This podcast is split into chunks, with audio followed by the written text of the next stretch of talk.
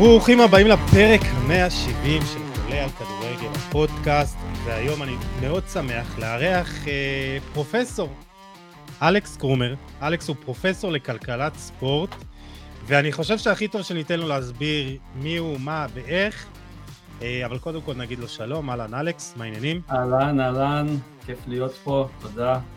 אה, אתם לא רואים את זה, אבל אה, אלכס יושב במשרד, ויש לו צעיפים מכל העולם, מדינמו קייב, הפועל אשקלון, דרך מכבי חיפה, אה, מה אני רואה שם? ליברפול. ברצלונה, בילבאו, ראיתי סוסיידד גם משהו, לא? נכון? אה, מאחורה אה, שמה. כן, כן, יש אה, סוסיידד, יש את חיחון, יש את אה, FC סנט גאלן, ששם גרתי כן. שלוש שנים, יש את מולדה כמובן, זה הכי גדול, זה מולדה, הקבוצה העכשווית שלי. אז זהו, אז בוא נגיד ככה שאתה לא גר בישראל, אתה גר בנורבגיה, במולדה. אה, העיר שייצרה לנו את הכוכב הכי גדול אולי כרגע, או בדרך להיות הכי גדול בכדורגל העולמי, אה, ארלינג הולנד, נכון? שיחק נכון. שם. אז בוא, עזוב, אני, מה אני מדבר? בוא תספר לנו מי אתה, מה אתה, מה למדת, אה, ומשם אה, נזרום. הצגת אותי, אני אלכס, אה, אני אלכס קרומר בעצם. אה, אני אשקלוני, נולדתי בברית המועצות, אבל אה, הורים שלי, אמא שלי גרה באשקלון. אה, שיחקתי בהפועל אשקלון גם. אה, כנראה לא הייתי מוצלח מדי. אה, למדתי כלכלה, תואר ראשון, שני, שלישי באוניברסיטת בן גוריון, אחרי זה וכל החיים התעסקתי בספורט, אני מאוד אוהב ספורט, מאוד אוהב סטטיסטיקות סביב מספרים, tournament design, כאילו איך לעצב תחרות, בשביל שאני לא יודע, כל הזמן במונדיאלים חברים שלי מתקשרים אליי ואומרים, תגיד, מי צריך לנצח וכמה צריך לנצח, מי עולה עכשיו? או בליגת האומות עדיין, כל החברים שלי שואלים, תגיד, מה, למה אנחנו לא ב... אה, מה צריך לקרות שנהיה ב... ב לא יודע, ליגה אה, A או B או... מה זה פלייאוף הזה? אז זה, זה דברים שאני מאוד אוהב. אז uh, כמו שאמרתי, את שלושת התארים שלי עשיתי באוניברסיטת בן גוריון, במחלקה לכלכלה. מאוד ממליץ על האוניברסיטה, אחלה מקום, באמת. אמ, ואגב, מצחיק, אני שירתתי באזור באר שבע, וכשהשתחררתי אמרתי, הרגל שלי לא תדרוך יותר באזור התחנה המרכזית בבאר שבע. ואז עשיתי שלושה תארים שם, ואני מאוד, מאוד שמח. על זה באמת אה, אחלה מקום. אה, הם לא נותנים חסות, אבל אם אתם רוצים מישהו לא. מאוניברסיטת בן גוריון, אנחנו בכיף. נשמח. חיים סטודנטיאליים, תראה, אין לי מה להשוות, אבל כל מה שאני שומע ומה שאני יודע, זה אחלה. שם גם הכרתי את אשתי, אז בכלל אה, יצא לי טוב.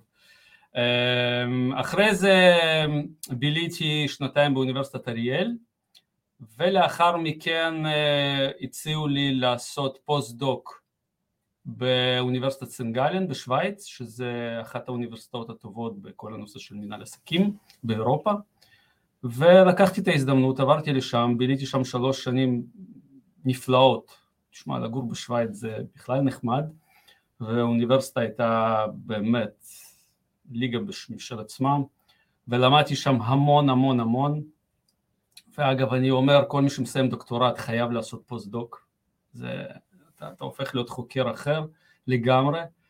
ו...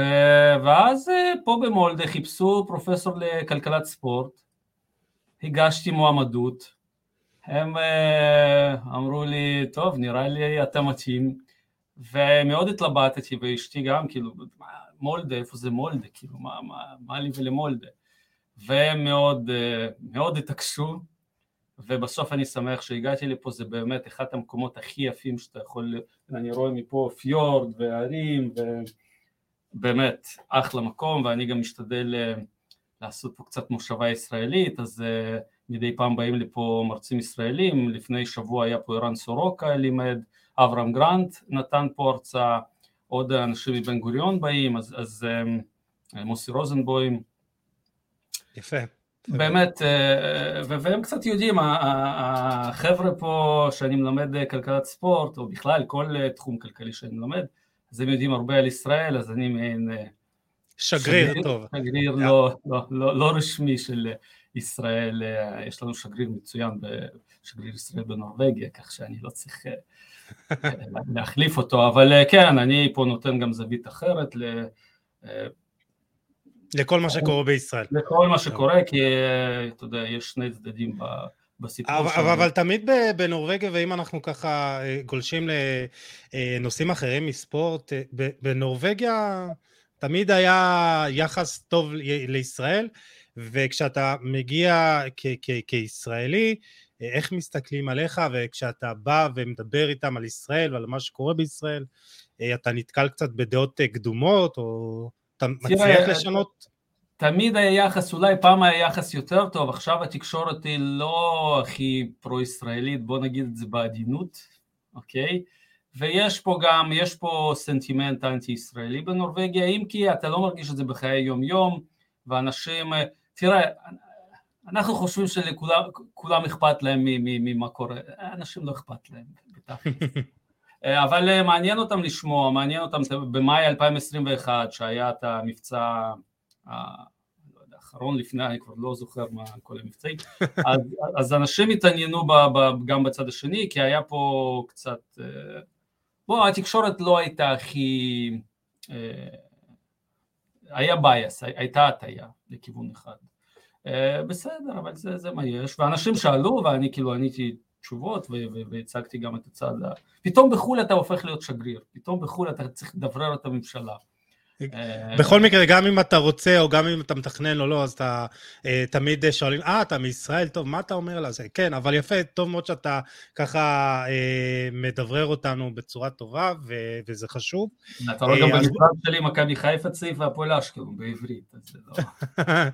אז חייבים לשאול מה זה בדיוק השפה הזאת, המוזרה, אבל בוא, בוא תספר לנו מה זה בדיוק כלכלת ספורט, אה, כי אתה יודע, זה נושא שמאוד אה, קשה להבין, אה, וגם אני, אתה יודע, לפעמים מתבלבלים במספרים, אז בוא תפשט לנו את זה כמה שיותר, ואיך זה משפיע גם על התחום. אנחנו רואים, יש לך פה עוד סעיף של יובנטוס, אני רואה, אז קבוצה שמככבת כרגע בנושאים כלכליים, אז בוא תעשה לנו קצת סדר מבחינת הנושא.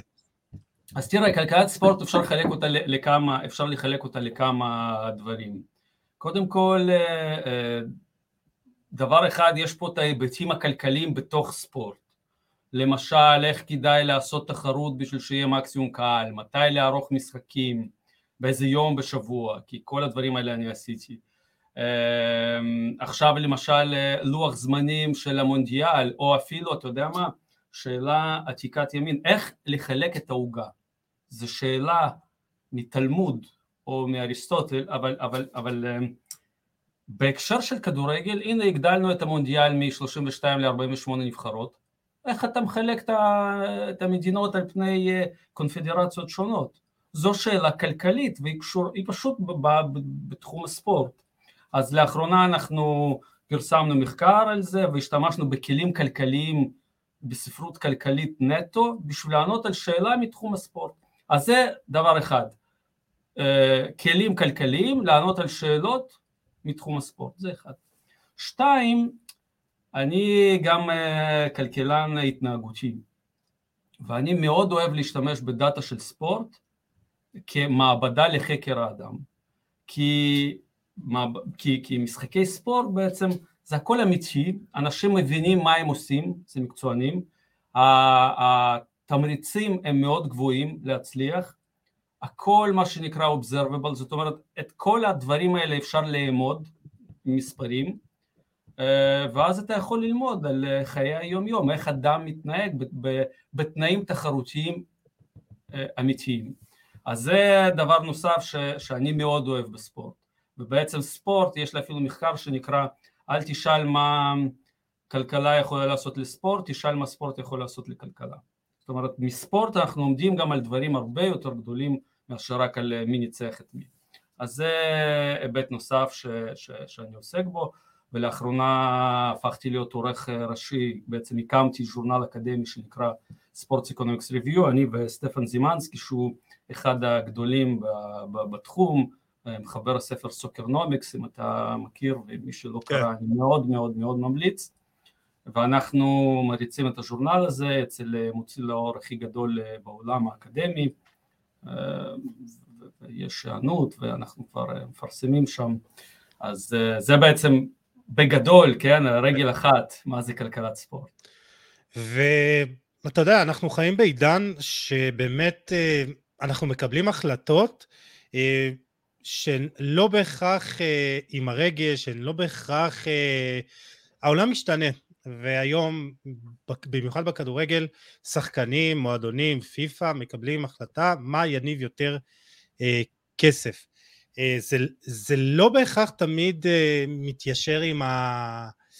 אולי ההיבט המקצועי או החברתי, ואני לוקח את זה דווקא ללוח המשחקים, והסברת גם, אתה יודע, מונדיאל, מונדיאל בקטר, ופיפ"א, זה, זה, זה נראה שהם רוצים כמה שיותר אה, משחקים כדי להכניס כמה שיותר כסף, אבל זה לא בהכרח ההחלטה הכי טובה לשחקן עצמו למשל.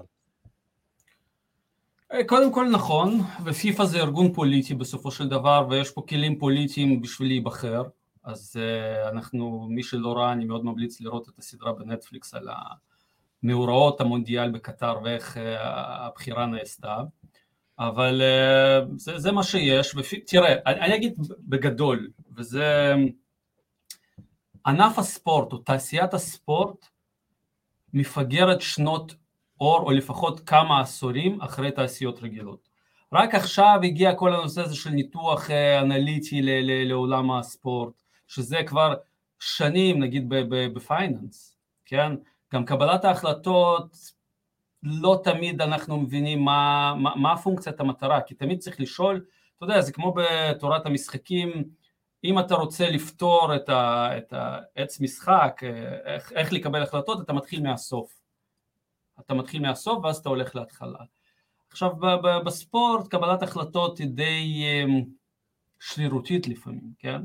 ואנחנו צריכים להכניס יותר מדע, אבל יותר כאילו מדע מבוסס, מדע מבוסס, זאת אומרת מחקרים קודמים, שכמה מחקרים הראו שזה המצב, אנחנו צריכים יותר מדע בספורט, יותר קבלת החלטות שמתבססת על evidence ולא על איפה נושבת הרוח.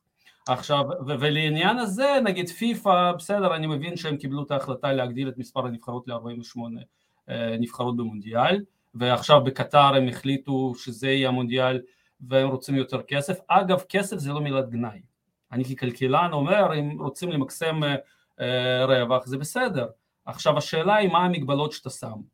אז נגיד אה, פיפ"א לזכותם ייאמר, הם אומרים אנחנו לא רוצים יותר משבעה משחקים פר נבחרת במונדיאל. כי זה מעמיס, כי זה לא בסדר. מנגד הם גם מכניסים עוד ועוד טורנירים. כן, עכשיו יהיה טורניר של מונדיאל הקבוצות החל מעוד אה, כמה שנים. אז, אז יש לך פונקציית מטרה ואתה רוצה לשים גם מגבלות. בריאות השחקן היא חשובה, למשל, ואולי כדאי לחשוב על להקטין את מספר הקבוצות. יותר מזה, גם אם אתה רוצה למקסם את הרווח, בכלל לא ברור שיותר משחקים זה, בטווח ארוך זה טוב.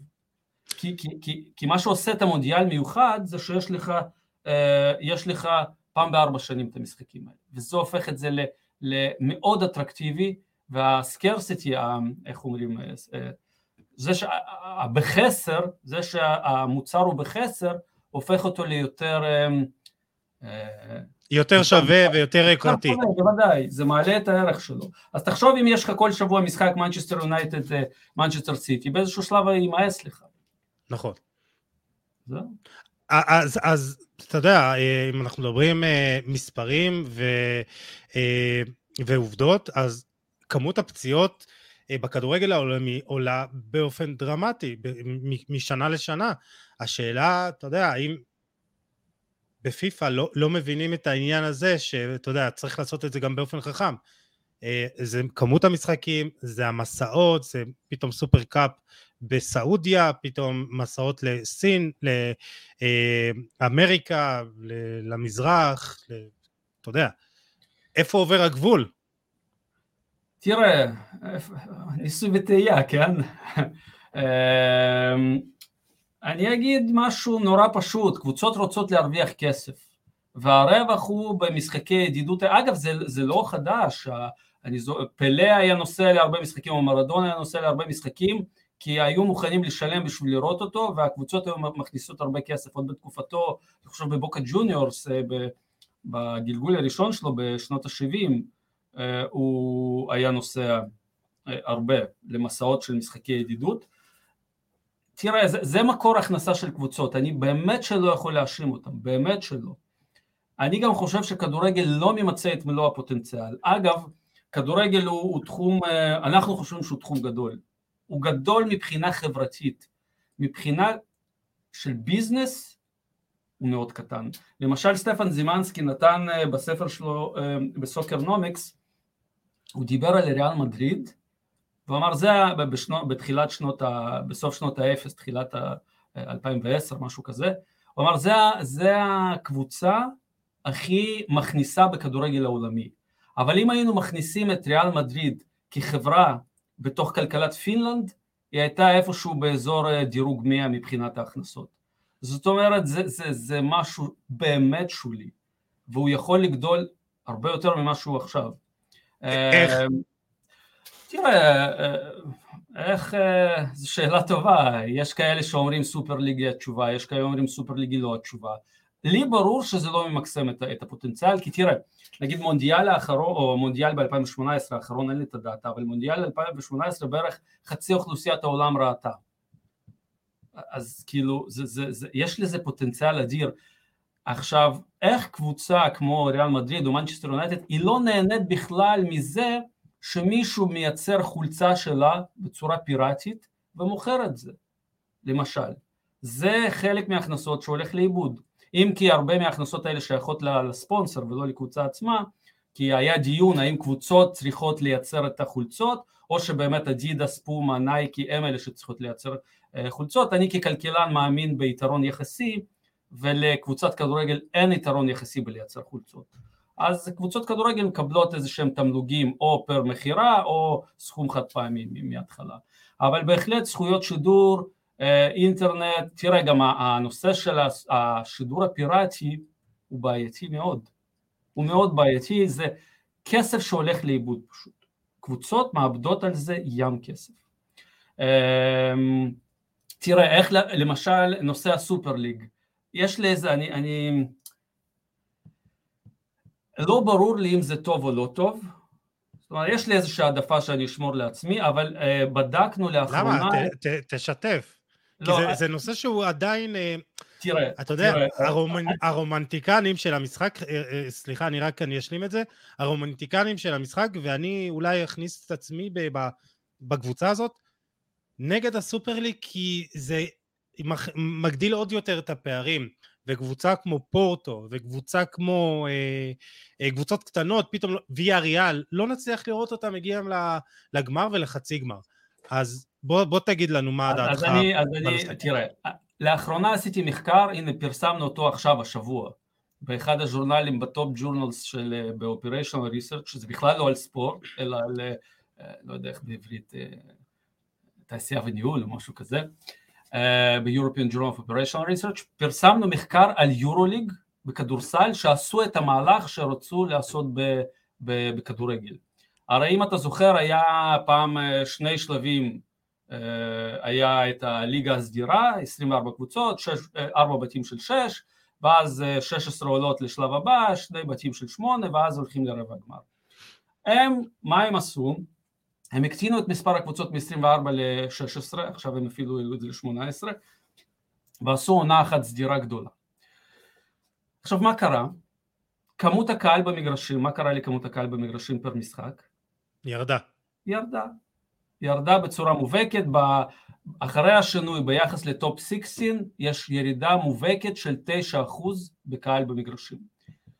יחד עם זאת בצורה אה, מצטברת יש לך יותר קהל כי העלו את מספר המשחקים פר קבוצה ביותר מ-25%, יש ירידה של בערך 9%, אז ב overall הם ברווח, הקבוצות ברווח.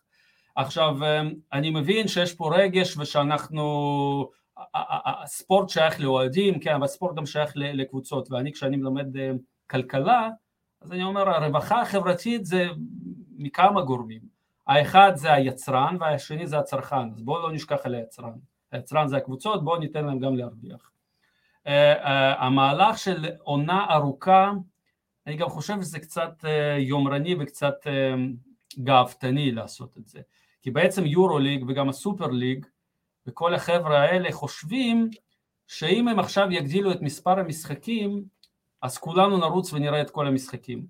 אז יש לי חדשות בשבילם, קודם כל ביורו ליג זה לא עבד, ודבר שני, אנחנו לא בשנות ה-80 ושנות ה-90 כשראינו רק משחק אחד בשבוע, שכל משחק היה וואו. אנחנו במשהו שנקרא תועלת שולית פוחתת, זאת אומרת אתה נהנה ממוצר נוסף פחות ממה שנהנית מהמוצר הקודם, מיחידת מוצר הקודמת. וככה זה גם בספורט, תראה יש לך, ההיצע הוא מטורף, ואני מדבר רק על ספורט, עכשיו תחשוב יש לך גם היצע פנאי אחר, אה, בתי קולנוע, מסעדות, אה, גני שעשועים, אני לא יודע מה, סך הכל אנחנו התקדמנו. אני חושב שבטווח ארוך אנחנו איכשהו חבר'ה בכדורגל יצטרכו לשנות את חוקי המשחק ואני חושב שאנחנו, המשחק לא יהיה 90 דקות. וזה לא אני אומר, זה נשיא ריאל מדריד אומר שאנחנו צריכים להתאים את עצמנו לדור החדש. ש, שמאבד ריכוז כל כך, הוא דיבר, כן. תשמע, הבן שלי שהוא אוהב כדורגל וראינו בשנה שעברה יורו אה, ומאוד נהניתי לראות יורו בעברית והשנה מונדיאל בעברית ואני חושב התקשורת ספורט החדשה בארץ היא פשוט ברמה סופר גבוהה. האיכות של המשחק לא מגיעה לאיכות של התקשורת, אה, האנשים כמו שרון דוידוביץ' ואושרת עיני ועוד ועוד, אסף כהן ויונתן כהן, זה פשוט חוויה, באמת. אני כל כך נהניתי, אני לא זוכר מתי נהניתי ככה, מצפייה ב, ב, במשחקי ספורט של, מצד השדרנים, אבל um, באיזשהו שלב, נגיד uh, ביורו הקודם, בן שלי היה רואה איתי משחקים, ופתאום באיזה משחק חשוב, הוא הלך לראות מחשב, אמרתי מה קורה? הוא אמר יש פה ביוטיוב, יש פה איזה גיימר שהוא משדר לייב. אז אנחנו, אז כדורגל מאבד את זה, ל, ל, uh, מאבד את הצופים הצעירים, עכשיו כן. תבין, בטווח ארוך זה הרסני. הילד של היום הוא, הוא המכניס כסף העיקרי של מחר, כן? אז אם אתה מאבד את פלח השוק הזה, אז מה יקרה? אז אתה צריך להתאים את עצמך, לא יותר, החוקים, כנראה פחות. אז החוקים צריכים להשתנות, זה צריך לעשות מה? את המשחק יותר דינמי, פחות זמן, אה, פחות לדעתי עצירות? לדעתי זה יהיה פחות זמן. לדעתי מה שהם עשו במונדיאל עכשיו זה לא ילך. הם עם ההגדלה של אה, כמות הדקות פר משחק, עם... אה, זה המון, זה יותר מדי, גם ארבעה משחקים ביום זה היה המון, ופלוס תוספות זמן האלה זה המון. צריכים להבין שלאנשים יש עוד עיסוקים. אז יש את המשוגעים כמוני, אולי כמוך, שרואים כמעט את כל המשחקים, כן, אבל אנחנו המיעוט שבמיעוט, אנחנו רק עלינו זה לא, יעב, לא, לא יעמוד כל הנושא הזה. לא, אה, בהחלט. אה, בוא, בוא נדבר קצת על קבלת החלטות ו- ו- ו- ו- וכסף, כי אתה אומר שצריך להכניס את המדע לכדורגל, אבל יש המון קבוצות, אה, לא מעט קבוצות, שכן עושות את זה ומצליחות לעשות עם מעט כסף הרבה. אולי הדוגמה הטובה ביותר היא ברנדפורד האנגלית, אה, שמייצרת אה, קונצרן של כמה קבוצות, אה, וגם בדנמרק וגם בשאר, בעוד מקומות בעולם, ומצליחות בעזרת מדע וט, וטכנולוגיה ומומחיות להוציא ממעט, ממעט מתקציב מועט, סליחה, אה, הרבה, ברנדפורד משלם את השכר הכי נמוך בפרמייר ליג, או אחת לפני הסוף, התקציב שלה הוא לא גבוה, והנה אנחנו רואים אותה, היא בחלק העליון של הטבלה בפרמייר ליג, אז אולי מועדונים אחרים צריכים, אה, צריכים בעצם להעתיק את המודל הזה. תראה, ברנטפורד זו דוגמה מעניינת, כי זה בעצם מהקבוצה הדנית מידיאפורד, או איך ש... אני מצטער. מיטיולין, לא... כן. מיטיולין, ברח. לי השם, נכון, כן, כן, כן, כן. הם התחילו, אני האמת בקורס שלי ב sports analytics, אני נותן אותם כדוגמה, שהם בכדורים נייחים, הם היו הקבוצה הטובה באירופה ביחד עם אתלטיקו מדריד בעונה שהם זכו באליפות. כן. אז אה, תראה, הכדורגל הוא, הוא נורא שמרני. החבר'ה בכדורגל, הם יודעים הכל. אתה, זו הגישה, אנחנו יודעים, לא צריך אותך. ככה, ככה נראה לי, לא רק בכדורגל, בספורט בכלל. אמ, ו- וככה זה נראה, זה אלה ש- שהחדשנות מביאה איתה את היכולת, מביאה איתה את, את התוצאות. אגב, הספורט הוא גם מאוד, יש הרבה גזענות בספורט, שכאילו צריך להתקדם קצת, כן? כל החולי של החברה אפשר למצוא בספורט.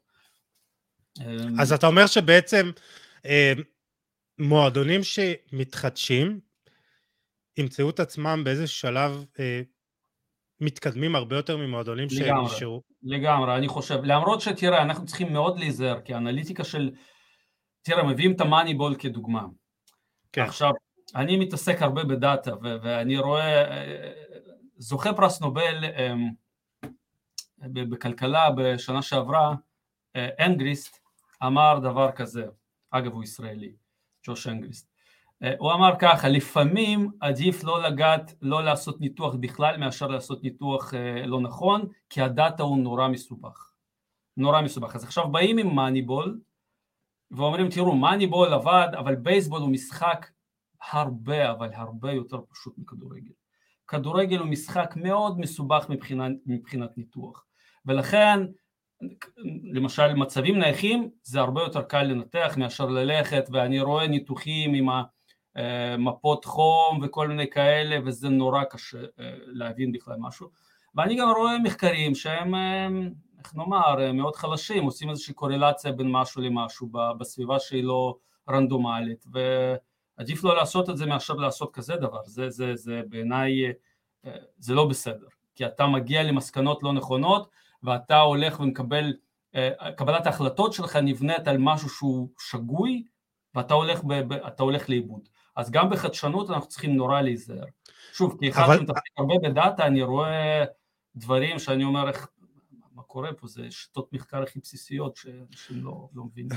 אבל, אבל בסוף אה, הדאטה הזאת, אם אתה יודע לת, ל, ל, לטפל בה נכון ולקבל את ההחלטות אה, הטובות, היא משנה מועדון. הדוגמה אולי הכי טובה היא ליברפול, שאת יורגן קלופ בחרה אה, כי הסטטיסטיקה הראתה שלמרות העונה האחרונה שלו בדורטמונד, אה, הוא היה צריך לנצח הרבה יותר, אז היה שם אלמנט של מזל.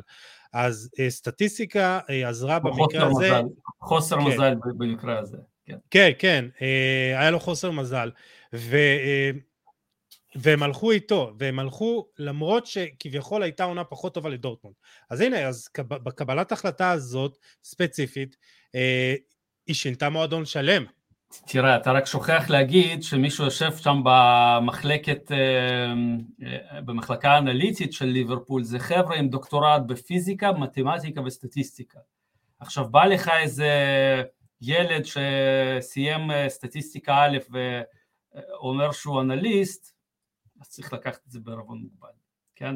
זה אנשים ברמה הכי גבוהה. כשאני עכשיו מלמד sport analytics ואני עושה ניתוח של רגרסיות רבת משתנים וכל מיני כאלה דברים שזה זה כאילו די בסיסי אצל סטטיסטיקאים אבל האנשים מספורט זה בשבילם עולם ומלואו הם אומרים וואו זה פעם ראשונה אנחנו רואים דבר כזה. כי בדרך כלל מה אנשים אומרים? אוקיי יש לך פה איזה אה, משתנה אחד יש לך עוד משתנה אחד בוא נעשה ביניהם קורלציה בוא נראה מה, מה, מה, מה זה עושה. אז, אז בוא, בוא תפשט את זה ל, ל, אה, לנו אה, באיזה דוגמה אחת ספציפית איך אתה לוקח איזה, לא יודע, כמה נתונים סטטיסטיים, מקבל החלטה יותר טובה? זה משהו שאתה יכול לתת לי איזה דוגמה כרגע ש...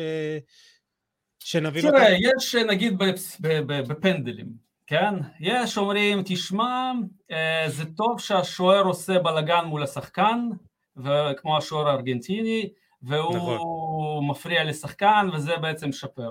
עכשיו בעצם, קודם כל, אולי זה טוב, אבל מהמחקר שראיתי אני נדהמתי לגלות שלא רק שזה לא, זה, קודם כל זה לא מובהק סטטיסטית, ובונים על זה תיאוריה שלמה. דבר שני, השיטה היא, עושים סתם קורלציה בין האם הפרעת לשחקן או לא הפרעת, ואז בעצם האם אה, אה, זינקת לכיוון הנכון או לא זינקת, האם נגעת בכדור אבל עדיין היה גול, לא, אז אני אומר, מה, זה, זה, זה, זה לא רציני הדבר הזה. אז אם אתה רוצה לעשות, הגולדן סטנדרט, החוק הזהב, אם יש לך, אם יש לך אה, תנאי מעבדה, תיקח את אותו השחקן, את אותו השוער, תראה אם הוא מפריע או לא מפריע, ואז תשווה את הממוצעים, זה הגולדן. עכשיו במציאות זה נורא קשה, אתה צריך לבקר על מה הוא עשה קודם, מי זה השחקן, כמה פנדלים השחקן הזה הבקיע, מה התוצאה בדו-קרב הפנדלים, אני מבטיח לך שלא תמצא שום, שום אפקט. עכשיו לא רק שעכשיו הטענה היא שגויה ממה שהוא אומר, זה גם מעודד להתנהגות לא ספורטיבית, בוא תפריע לשחקן, אז כאילו מה, מה עשית בזה? ו- ו- אז, אז נתת דוגמה של משהו שלא בהכרח אה, נכון. אה, יש לך איזה דוגמה לתת לנו שסטטיסטיקה דווקא כן אה, עוזרת לנו לקבל החלטות טובות? תראה, יש, יש הרבה, יש הרבה, זאת אומרת, אתה רוצה ב-decision making, תראה, הנה, למשל, כשבאנו לנורבגיה, אני והבן שלי הולכים למשחקים של מולדה והמשחקים של אה, בליגה הנורבגית בימי, הם בימי ראשון בשעה שש בערב. עכשיו יום ראשון זה יום מנוחה פה ויום שני הוא אה, יום עבודה. אז זאת אומרת בשעה שש בערב אשתי אפילו אמרה תראה זה קצת אה, מאוחר. שש בערב המשחק נגמר בשמונה למחרת צריך ללכת לבית ספר וזה כבר חושך ופי זה הילד עייף זה מאוחר. אמרתי וואלה נראה, נראית שאלת מחקר יפה אז uh, לקחתי עם הסטודנט שלי פה באוניברסיטת מולדה, לקחנו את כל הדאטה, את כל הנתונים מליגה נורבגית uh, על פני עשר שנים ורצינו לראות uh, האם יש יותר קל במשחקים של יום שבת מול יום ראשון למשל ועשינו שם מלא בקרות ומי הקבוצות והאם זה דרבי וכמה אנשים גרים באותו אזור, ממש המון דברים. והראינו שמשחקים בשש בערב ביום ראשון מושכים אה, בממוצע משהו כמו חמש אחוז פחות קהל. אה, ואגב הליגה הנורבגית אה, שינתה את זה עכשיו המשחקים ביום ראשון בשעה חמש בערב. אז אחד הסטודנטים התקשר להתאחדות הנורבגית ואמר תראו אתם מכירים? זה המחקר ואתם שיניתם עכשיו והם אומרים אנחנו מכירים את המחקר ואין לנו תגובה.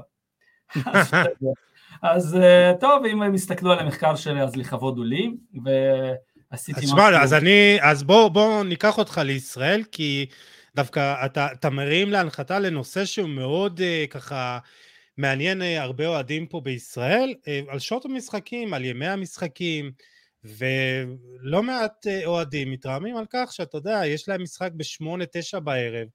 בצפון, הם גרים בדרום, וזה עד שהם חוזרים הביתה, והתחבורה פה על הפנים, ואז יש לך את האינטרס של המינהלת שאומרת שבסופו של דבר יש uh, זכיין שידור והוא קובע. תראה, uh, לא רציתי לדבר על זה יותר מדי, אבל 아, אם כבר אוקיי. אתה מעלה את הנושא, כי, כי סידור המשחקים נורא מעניין אותי, כי זו שאלה כלכלית מאוד חשובה, איך אתה מסדר את המשחקים בשביל להגדיל את כמות הקהל למשל, או בשביל לא לפגוע ביתרון ביתיות, כי עשיתי את זה על כמה ליגות. יש לי מחקר על אה, ארבע ליגות הכי גדולות, יש לי גם מחקר על בונדסליגה לבד, שאני מראה שכשהמשחקים הם באמצע שבוע יש לך גם פחות קהל וגם פחות יתרון ביתיות למשל. אז לסידור משחקים יש ממש אה, השפעה. אה, והאמת הגעתי לדבר עם כמה חבר'ה, כמה מקבלי החלטות, אני לא רוצה לנקוב בשמות וארגון, והם אמרו תראה זה נראה מאוד מעניין וחשוב אבל מה האינטרס שלך? אמרתי, האינטרס שלי קודם כל, אה, אני חוקר ואני אפרסם את זה. בתור אה, מחקר, אני לא צריך מכם כסף, אני עושה את זה בתור, באמת בתור ציונות, כי אני רוצה לעזור לספורט ישראלי, באמת. לא צריך לשלם לי שום דבר. עושה את זה באמת כמה שנקרא תרומה לכדורגל הישראלי שאותו אני כל כך אוהב, אפילו פה מנורבגיה. והתשובה הייתה, תראה, אבל אנחנו לא יודעים מה תמצא, מה יהיה הממצא שלך. ו... ואנחנו לא... תראה, אז שם זה נגמר פחות. תשמע, אם אתה יכול שהמחקר יתמוך בטענה שלנו, אז אה, סבבה. זהו, אז, אז אמרתי, תראה, אני לא משחק משחקים כאלה. אני, זה המחקר, זה הדאטה, uh, let the data speak. מה, הם, הם, פחדו ש, הם פחדו ש... תגיע למסקנה שהמשחקים ביום אה, ראשון, שני, בתשע בערב, מביאים פחות קהל מ... אני לא יודע, אני לא יודע מה... אבל זו הייתה התשובה, אנחנו לא יודעים מה תמצא, ולכן, כאילו, מה תמצא, ואם תמצא משהו שלא מתאים לנו, מה... אז זו גישה שהיא סופר בעייתית, סופר בעייתית, ואגב, הרי כל מה שרציתי מהם שיעזרו לי עם הדאטה, אבל תכלס אני לא צריך, אני אתן לך דוגמה. אני כן. עכשיו עשיתי מחקר על כדורגל שוויצרי, ושוויץ זה מקרה מעניין, שו... ושוב, זה לא על כדורגל המחקר, אבל הוא מתבסס על כדורגל שוויצרי. בשוויץ יש ארבע שפות, נגיד שלוש גדולות, צרפתית, גרמנית ואיטלקית. ואז בעצם הראינו שיש הטיה מאוד רצינית של שופטים, שהם נותנים, שופטים מאזור לשוני אחד, נותנים הרבה יותר כרטיסים צהובים נגד קבוצות שבאות מאזור לשוני שונה מהם. וזה עשה קצת רעש בכדורגל השוויצרי, היושב ראש של סיון מתבסס על המחקר שלנו ואומר כל הזמן דופקים אותנו, תראו הנה מחקר מצא, אמ, ואנחנו עכשיו עובדים עם ליגה בלגית. עכשיו עם שוויצרים גם עבדנו, עם ההתאחדות, והם בסוף נתנו לנו את השפות של כל השופטים, וכאילו הם די, לקח להם זמן לשתף פעולה, אבל הם שתפו פעולה.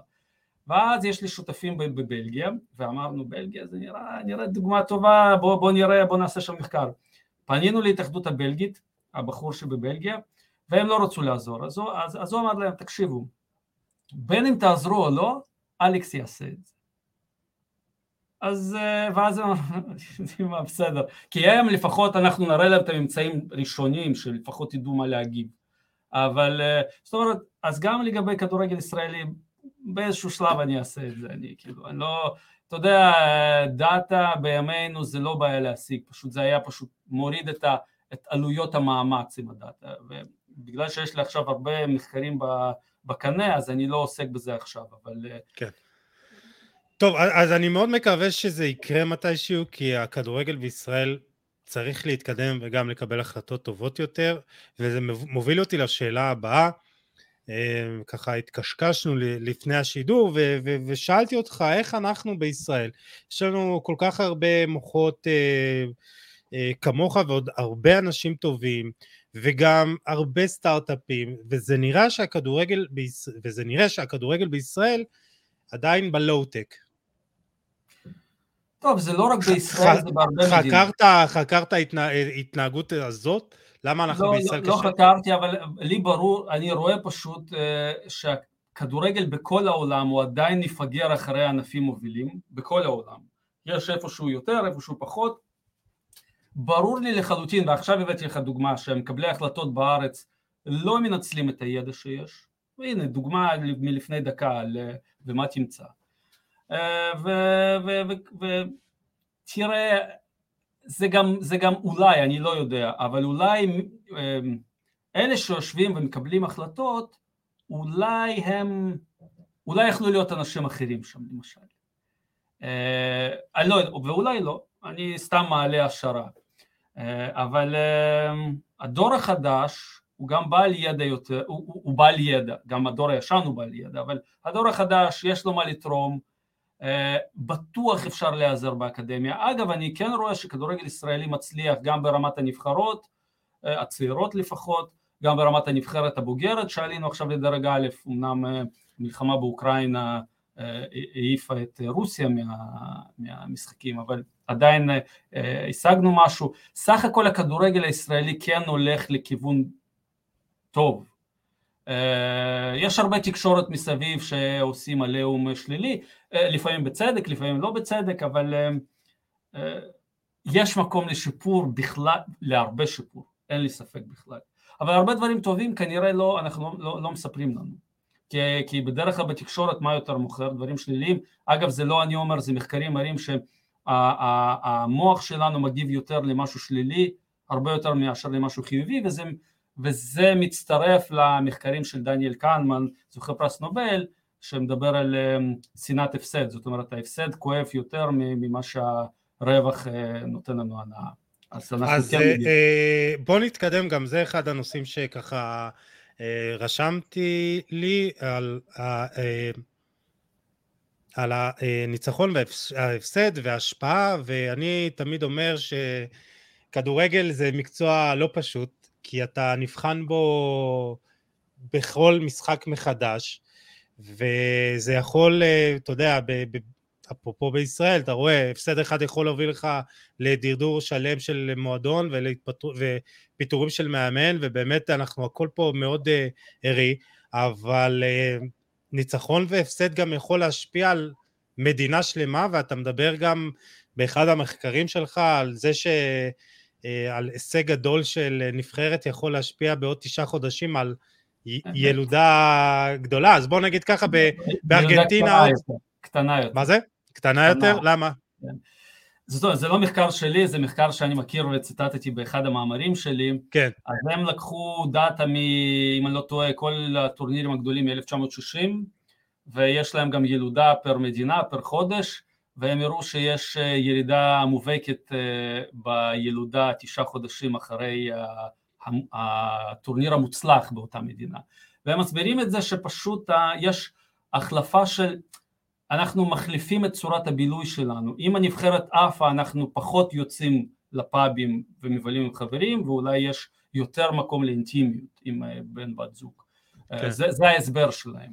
אה, זאת אומרת הוא משפיע על, על סדרי העדיפויות שלנו הכדורגל, כן? פעם אפיפיור אמר שכדורגל הוא דבר לא חשוב וזה הדבר הכי חשוב מבין הדברים הלא חשובים, כן? כדורגל יש לו, ספורט בכלל יש לו הרבה השפעה, גם על, אה, היה מחקר ב-2007 שהראה שאם נבחרת מודחת מטורניר גדול, יש ירידה בתשואות אה, של שוק ההון של אותה מדינה למחרת, בגלל הסנטימנט השלילי. תשמע, אני לא יודע מה יקרה אם ישראל תעלה לזה, לטורניר גדול, כאילו, בכלל הכלכלה שלנו תפרח. אה, אני לא, לא יודע, הלוואי שנעלה פעם, אני יודע, זה כאב ראש גדול. ואז נוכל לבדוק. כאב ראש גדול למאבטחים במדינת היעד, אבל כן. בסדר. הלוואי שנעלה, אני מאוד רוצה שנעלה פעם. אה, אז כן, אגב, ספורט גם באופן כללי, הם משתמשים בספורט גם לדברים פוליטיים, חוץ מהאירוח של המונדיאל ש... ויורו וכל הטורנירים האלה, שבעיניי מבחינה, אנחנו כלכלני ספורט מאוד לא אוהבים אותנו בגלל זה, מאוד, כי אנחנו בין המבקרים הגדולים של אירוח המשחקים, כי כשבאים ואומרים תראה אבל מונדיאל ואולימפיאדה זה, זה, זה, זה טוב אנחנו בונים כבישים ובונים uh, תשתיות אז התשובה שלנו היא נורא פשוטה והגיונית. אתם רוצים לבנות כבישים ותשתיות? תבנו כבישים ותשתיות למה אתם צריכים לבנות אצטדיונים בשביל זה? זו התשובה. כן. כי כל המחקרים מראים שהאירוח הוא קצת בעייתי בוא נגיד ככה. אה, כן. מבחינה כלכלית. אז uh, יש הרבה השפעה, גם, גם תראה, יש את הדוגמה הזאת של סילביו ברלוסקוני שהוא השתמש אה, בעלייה של נבחרת איטליה אה, לגמר מונדיאל 1994 ובאותו יום של העלייה למונדיאל הוא העביר אה, תקנה שהיא מאוד לא פופולרית ושחרר הרבה מאוד פוליטיקאים מושחתים כי כאילו העם, כי, כי אתה, חשוב לך להעביר החלטות לא חשובות כשאף אחד לא מסתכל על זה ואותו דבר עשה פוטין ב-2018 כשהוא העביר חוק מאוד לא פופולרי של העלאת גיל הפנסיה בשעת משחק הפתיחה של מונדיאל בין רוסיה לערב הסעודית. כאילו תוך כדי המשחק הם העבירו את החוק, עכשיו אנשים לא ישימו לב, ועל הדרך חוקקו חוק שאסור להפגין ברוסיה. טוב, אמ, מי שרוצה לדעת איך לא דמוקרטיה מתפקדת. ברוסיה אפשר אה, זה. אמ, אז באמת אה, ניצחון והפסד אה, באמת אה, יכולים להשפיע על ההתנהגויות שלנו ועל הרבה קבלת החלטות, אבל גם מצב מנטלי.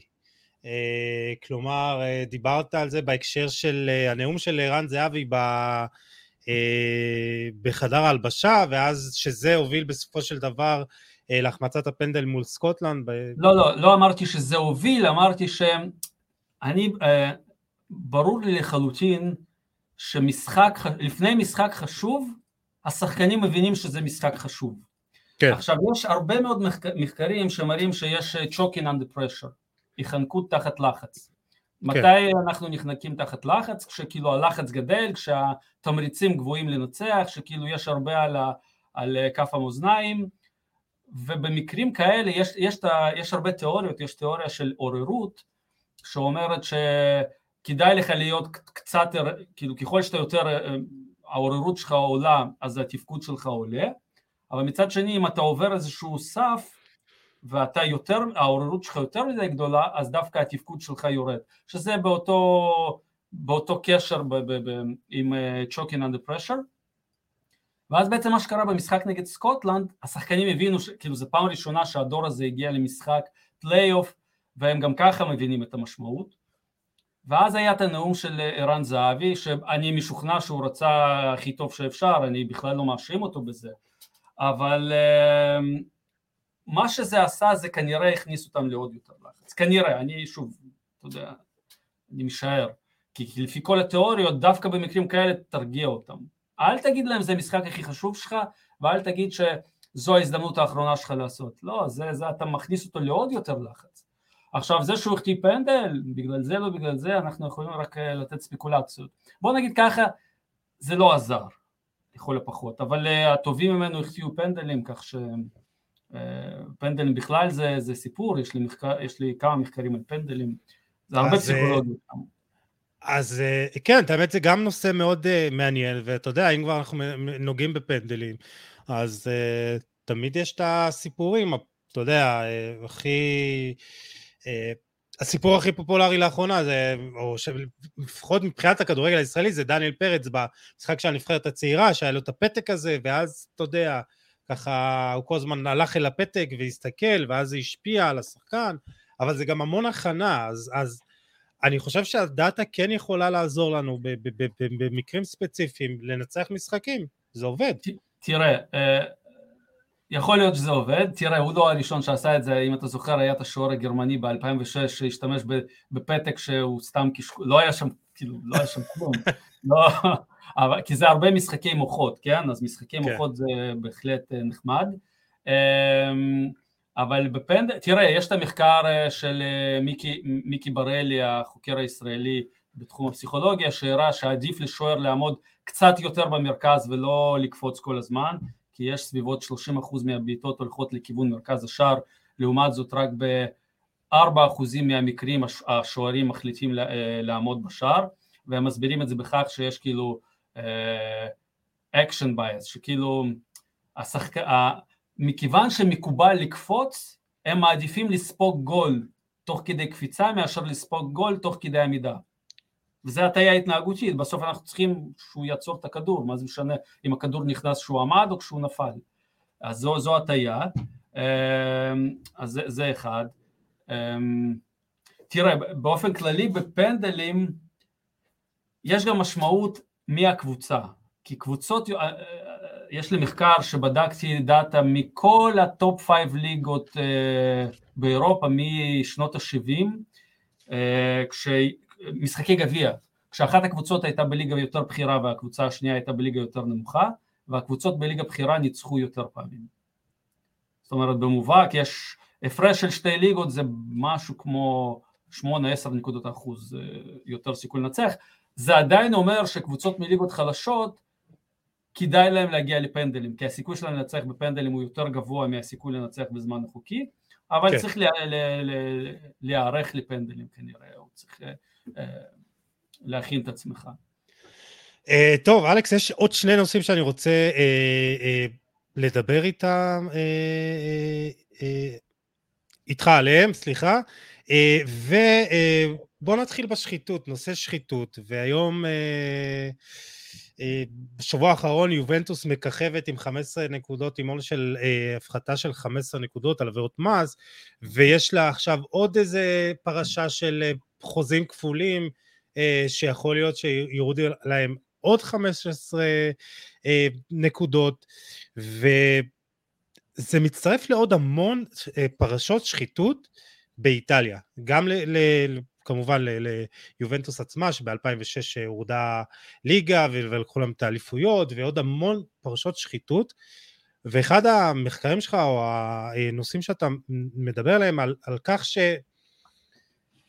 אה, שמדינות שבהן הן יותר מושחתות, אז גם בספורט שלהן יהיה הרבה יותר בעיות כאלה, ומן הסתם באיטליה גם, גם זה קורה.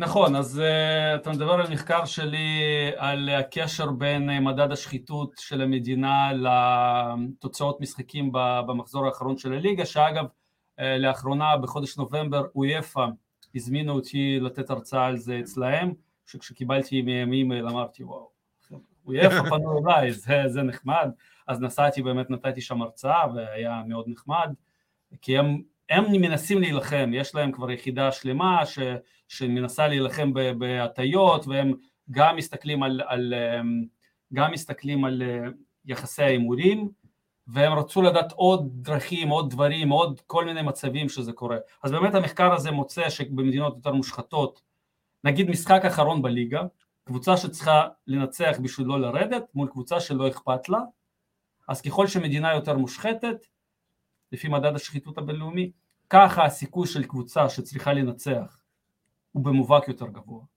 ככה זה עובד. עכשיו, אמ, אז, אז, אז תראה, למה זה מעניין? מה שמעניין הוא שלמרות שכדור... הרי בדרך כלל שחיתות זה משהו שקשור לממשלה, ומשחק כדורגל זה לא, לא באמת קשור לממשלה, זה פעילות לא ממשלתית. אבל היופי הוא שכשיש לך שחיתות ברמות הגבוהות זה, זה מחלקל, מחלחל מטה, זאת אומרת האווירה של שחיתות היא בכל מקום, היא בכל מצב, בכל אה, פעילות, לא רק אצל ממשלה, גם אצל אנשים פשוטים. עכשיו, אה, אה, אז זה אחד, זאת אומרת זה לא היה על כדורגל המחקר, זה היה פשוט להראות שכאילו שחיתות היא, היא בכל מקום אם יש שחיתות. עכשיו, עכשיו לגבי נושא האיטלי, האיטלקים, אז כן, תפסו אותם ולא בפעם הראשונה עושים דברים לא, לא טובים, לא יודע בדיוק מה היה שם, אבל אני חייב להגיד לך שהקהל לא אוהב את זה, כי למשל בעקבות הסקנדל הקודם שהיה, היה מחקר אה, שהראה ש... אה, שכמות הקהל באיטליה אז ב-2006-2007 אה, הייתה ירידה של בערך 16% בקהל אצל הקבוצות המעורבות. אז זאת אומרת, הקהל מגיב ברגליים, הקהל לא אוהב את זה, זה בסוף גם כסף. אז תראה, הם מנסים לעשות כל מיני דברים, בסוף אה, זה מקבלי החלטות, בסוף זה האם אתה עושה את זה או לא עושה את זה, ויש פה הרבה פרמטרים, גם משפטי, גם כלכלי, גם ערכי, יש לך באמת הרבה פרמטרים פה לקחת בחשבון. אה, התנהגות כלכלית נאותה זה משהו ש-Financial Fair Play ניסו לעשות. עכשיו, Financial Fair Play פגעו קשות באיזון התחרותי בכדורגל האירופי, קשות. ולמען האמת אה, שני כלכלנים, אה, שני כלכלני ספורט, אה, תומאס פיטרס וסטפן זימנסקי, פרסמו מחקר עוד ב-2014 וציפו שזה מה שיקרה, כי הרי מה עושה Financial Fair Play? המטרה שלו זה בכלל לא איזון תחרותי, המטרה שלו זה להביא למקצועיות גדולה יותר, אני פשוט דיברתי עם אנשים שהובילו את זה, את ה-Financial Fair Play, הם תמיד אמרו, תראו, איזון תחרותי זה לא היה אצלי, אנחנו לא, לא רצינו, לא, לא הייתה מטרה, אם זה היה משיג את זה, זה בסדר, אבל בעצם זה נורא פשוט. קבוצות חלשות או קבוצות חזקות, לא משנה מה, אסור לך להוציא יותר כסף ממה שיש לך, שזה הגיוני, כן? כן. אבל אז מבחינה, מבחינת לקנות שחקנים, נגיד יש לך איזשהו פער בין קבוצות, ונגיד ריאל מדריד זוכה בצ'מפיונס ליג ומקבלת עוד איזשהו סכום כסף. ומכבי חיפה לא זוכה בצ'מפיונס ליג, ולכן היא לא מקבלת סכום כסף כזה. אז עכשיו ריאל מדריד יכולה לקנות עוד שחקנים טובים, מה שמכבי חיפה לא, לא יכולה לעשות, וככה כל קבוצה אחרת. ואז בעצם הפערים עולים ועולים, ויש עכשיו מחקרים אמפיריים שמראים שבאמת כתוצאה מ-Financial Fair Play, הכדורגל הפך להיות הרבה פחות תחרותי. המטרה, המטרה, או אחת המטרות של ה-fair play היה בגדול אה, למנוע מקבוצות להיכנס לחובות כלכליים ובורות כלכליים, בזה לפחות זה, זה הצליח? תראה, אין לי נתונים עכשיו כמה פשיטות רגל היו אחרי מלפני, אבל זה גם, זה גם לא מחקר נקי, אני מנסה לעשות מחקר כמה שיותר נקי, ולמה זה לא נקי? כי הייתה לך קורונה באמצע. אז תמיד אתה יכול לשייך uh, את הדברים לקורונה. ה-Financial Fair Play פה הוא לא... היו לך שתי, בעצם, כמו שבכל מחקר אתה רוצה uh, אוכלוסייה שמקבלת טיפול מול אוכלוסייה שלא מקבלת טיפול. אבל עכשיו יש לך, אחרי שקיבלה טיפול, היה עוד טיפול. או טיפול מונע, טיפול נגד. כן. ואתה לא יודע באמת לנטרל אחד מהשני, בגלל זה צריך להיות נורא זהיר במחקרים עם דאטה, נורא זהיר ולהבין את כל מה שקורה סביב. אתה לא יכול לעשות מחקר בלי להבין שעוד משהו יכול להשפיע, זה מאוד חשוב. Uh, נתקדם למשחק, uh, לאחרון, אני רוצה לקחת אותך למונדיאל, uh, ודווקא מתוך זה להסיק עד כמה ההישג של נבחרת ארגנטינה הוא עצום. כי היא בעצם הפסידה את המשחק הראשון, ואתה מדבר, ואפילו, לא טועה, לך, הייתה לך כתבה בוואלה, שארגנטינה צריכה לדאוג, ארגנטינה וגרמניה. כן. וגרמניה, זה הצליח לך, ארגנטינה פחות, ואתה מספר ב... רוצה ניתן לך לדבר, כן. תראה, היו לי שם שתי, אה, כמה דברים במונדיאל, במונדיאל האחרון אה, אהבתי לעשות כל מיני דברים נורא פשוטים, עשיתי דברים נורא פשוטים, ממוצעים, כל מיני כאלה סתם סטטיסטיקות, משהו שנהניתי, אהבתי לעשות, זה היה כיף. אז באמת אה, לקחתי את כל המונדיאלים והיורואים של שלב הבתים עם שתי עולות, וראיתי שניצחון במשחק ראשון הוא סופר חשוב. שוב, זו סטטיסטיקה נורא פשוטה ואני אגיד לך כמה היא יכולה להטעות, כן, כשעושים כזה דבר. אז נגיד היה לי אה, אה, נתון שקבוצה שניצחה במשחק הראשון עולה ב-78% מהמקרים, קבוצה שעושה תיקו במשחק הראשון עולה ב-56% מהמקרים, וקבוצה שהפסידה במשחק הראשון עולה ב-18% מהמקרים, כן? עכשיו, אבל זה ממוצעים פשוטים, כשאתה נכנס ממש בפנים, אתה רואה אוקיי, זה גם פונקציה של כנראה קבוצה שמנצחת במשחק הראשון היא גם קבוצה יותר חזקה בדרך כלל, אז לכן זה, זה, זה באמת, הם עולים לא בגלל שהם ניצחו במשחק הראשון, אלא פשוט כי הם קבוצה יותר טובה, כן? אה, אז זה ככה להראות כמה סטטיסטיקה יכולה להטעות. אבל כן, אה, תראה, גם ספרד ב-2010 אה, זכו במונדיאל. כשאתה נכנס בפנים אתה כבר רואה שאוקיי, גם אם קבוצה ניצחה במשחק או הפסידה במשחק הראשון, זה תלוי איזה קבוצה זאת, כן? איזה דירוג יש לה. אבל היה שם לחץ מטורף, בעצם לארגנטינה היו שישה גמרי גביע, שישה גמרים. מאז שהם הפסידו לערב הסעודית כל משחק היה מכריע. וזה באמת, זה מאמץ מנטלי מטורף, אני אפילו לא... כשאתה עם הגב אל הקיר זה הרבה יותר קשה, קשה לתפקד מאשר כשאתה יכול להפסיד. אז זה, זה דבר אחד. אבל היה לי שם משהו שהוא בעיניי הרבה יותר מעניין, אוקיי. Okay. וזה הראיתי, ואני בעצמי הופתעתי, וחשבתי על זה הרבה, יש לי איזה, איזה מחשבה על זה. קבוצות שניצחו בשלושה גולים ויותר בשלב שמינית הגמר, מתוך 14 מקרים, 12 עפו ברבע הגמר. וזה מטורף. זה פשוט מטורף, למה? כי כאילו אתה אומר מה, זו קבוצה מנצחת בשמינית גמר, היא בביטחון, היא בזה, היא צריכה לנצח. כנראה, והיה לי כמה דיונים בטוויטר על זה, והמסקנה שאני מגיע אליה זה שהקבוצה השנייה בעצם עושה הכנה הרבה יותר טובה מהקבוצה שניצחה נגיד 6-1 או 3-0 או 4-1 אה, והם בעצם מתאימים את עצמם למשחק כי הרי מה אנחנו אומרים הרכב מנצח לא, לא מחליפים נכון? כן אבל בתורת המשחקים אתה אומר רגע אם אתה הולך כל הזמן על אותה אסטרטגיה הקבוצה השנייה יכולה לשנות, לשנות אסטרטגיה ולנצח אותך. אז מבחינה רציונלית זה בכלל לא ברור שהרכב מנצח לא מחליפים, בכלל לא ברור, או שיטה מנצחת לא מחליפים, כי יש קבוצה אחרת שתעשה את ההתאמות. אז זה, זה, מה זה תורת המשחקים? זה בעצם אני אעשה הכי טוב בהינתן שאתה יודע מה אני עושה. ואז אני אומר רגע אבל אולי כדאי לי לשנות בהינתן אבל אולי אתה יודע שאני יודע שאתה יודע. ואז זה בעצם כזה זה הרבה מאוד אסטרטגיות. אז אה, זה בעצם זה מה שאני חושב שקורה. או, או הסבר אחר אולי זה סתם אה, במקרה מתוך 14 פעמים 12 עפו גם יכול להיות קודם כל זה מסביר הרבה, לא, לא להיות שאנן, גם אם אתה מנצח 6-1 את שווייץ, ואז אתה עף נגד מרוקו, מקרה של פורטוגל. אה, היה לך עוד משהו לגבי אה, כמות שערים של המונדיאל, כן. נכון, אם אני לא טועה, 2.73 אה, במונדיאל הזה? 2.69 שזה השני אחרי ארצות הברית, אבל תראה, גם זה נתון שהוא מטעה. אוקיי, למה? למה? כי כמות, כי כמות תוספות זמן הייתה במובהק הרבה יותר גדולה מאשר בשאר המונדיאלים. זאת אומרת, פר מינט כנראה יש לך פחות גולים. אז אולי אה, זו הייתה הכוונה מלכתחילה של וופא וקטר, שיהיו שם אפרופו אולי, שחיתות.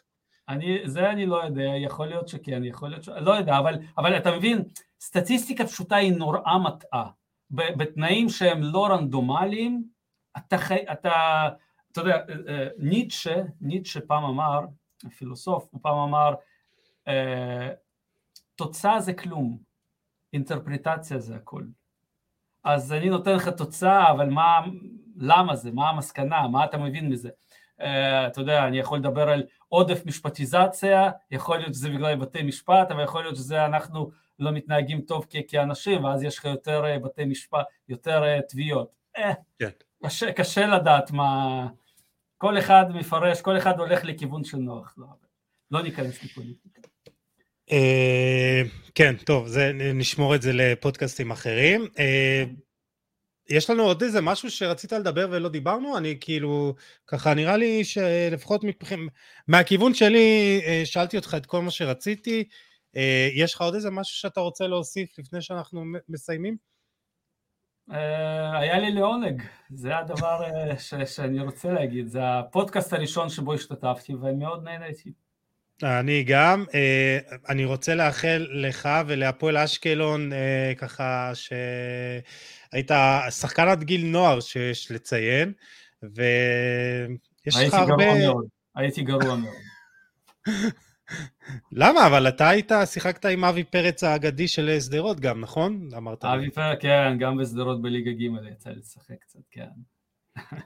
אבל אה, שם זה נגמר, גיל נוער וליגה ג'. כן, שם נגמר. שם, אחרי זה הבנתי שאולי אקדמיה זה תחום שאני אצליח בו יותר.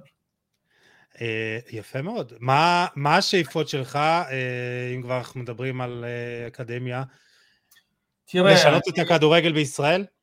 אני אשמח לעזור לכדורגל, בכלל לספורט בישראל. כל דבר שאני יכול לעשות, בזמנו היו לי גם פגישות לגבי הקריטריון האולימפי, שאני חושב ש... שהוא היה טעות אחת ובכלל לא מובן מה, היה, מה הייתה המטרה. ושאלתי אז את מקבלי ההחלטות תגידו מה אתם רוצים להשיג בזה? אז הם לא ידעו לענות לי. פשוט לא, אז אמרתי למה אתם צריכים את הקריטריון הזה? אתם לא יודעים כן. למה, לא להתבזות, מה זה לא להתבזות? אה, אבל אה, כן, לעזור לספורט ישראלי אני מאוד אשמח אה, להמשיך באקדמיה ולעשות מחקרים, תראה אני מאוד אוהב את התחום שבו אני נמצא, חברים שלי אומרים שאני חי את החלום אתה יודע, חוקר ספורט ועוד משלמים לי משכורת, זה בכלל טוב.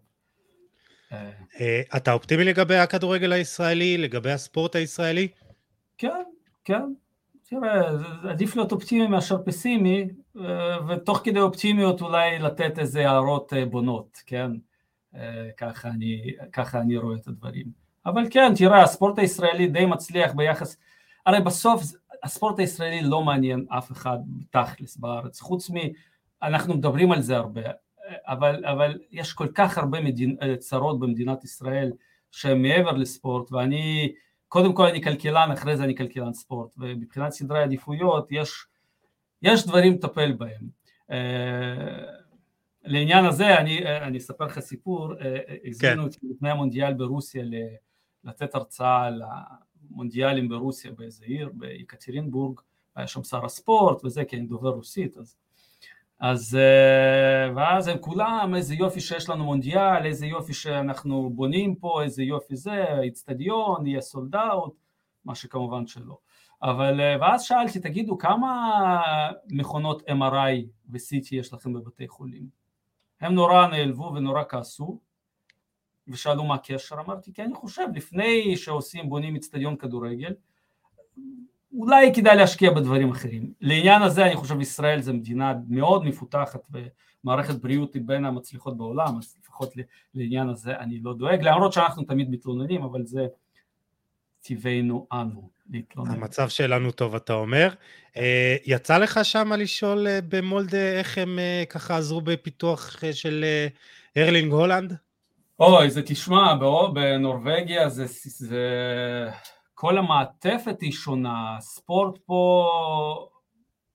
טוב, אין להם צרות אלה, כאילו אין להם צבא, אין להם זה. לא, לא, אין, אין, אין, והם מסכים, תראה, כמות הגז, כמות הנפט היא מטורפת והכל חוזר לציבור. אני גר בעיירה של עשרים ומשהו אלף איש. יש לנו פה אוניברסיטה, שדה תעופה, קבוצת כדורגל הכי טובה בנורבגיה, יש פה מגרשי ספורט מקורים ולא מקורים עם דשא סינתטי, כמעט, לא כמעט, בכל שכונה. יש פה באמת, ברמות שאתה, אני לא, יכול, לא יכולתי להאמין. עכשיו הבן שלי מתאמן פה במולדה, אני רואה גם קבוצת בנות, קבוצת נשים, קבוצת ילדים. הכדורגל בכלל בנוברגיה בפריחה, זה מרטין אודגור ובנפיקה עוד אה, רכשה... בנפיקה אה, יש להם שחקן ממולדה גם, אני כשאני רואה משחקים של נבחרת נורבגיה אז יש פה גם שחקן של נפולי הבלם, הוא גם ממולדה. וסולשר שהיה מאמן של יונייטד הוא גם ממולדה, אגב הם קנו אותו בתור מאמן מולדה, קנו אותו ליונייטד. כן. לא, מולדה מאוד מצליחה, מאוד, מאוד מצליחה. אז הכדורגל בנורבגיה בפריחה. אבל זה, זה, זה הכל, זה גם, זה גם, נגיד הילדים, אין לך, לא סופרים תוצאה, עד גיל 12 או 13 הם משחקים, לא סופרים תוצאה, וגם חשוב, אה, מחייבים שכל הילדים, יש את ה inclusion, הכללה, לא משנה אם אתה משחק טוב או לא טוב, כולם משחקים אותו מספר דקות.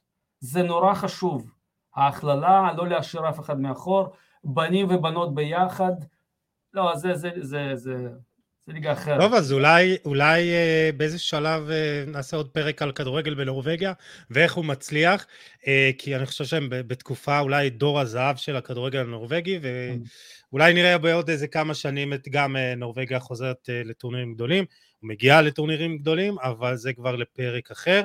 אה, פרופסור אלכס קרומר, תודה רבה. תודה רבה, היה לי לעונג, והיידה מולדה.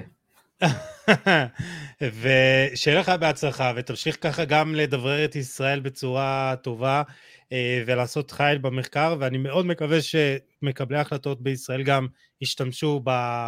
אה, בך ובמוחות ישראלים אחרים, שהמטרה שלהם בסך הכל לקדם את הכדורגל הישראלי ואת הספורט הישראלי. הלוואי, תודה רבה.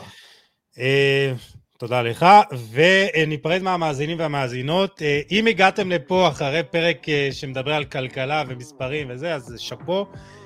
תודה שהייתם איתנו, מוזמנים לשתף, לתייג ולהאר את עינינו. אנחנו ניפגש בפרק הבא עם עוד תוכן מעניין ואיכותי, תשמרו על עצמכם, יאללה, ביי.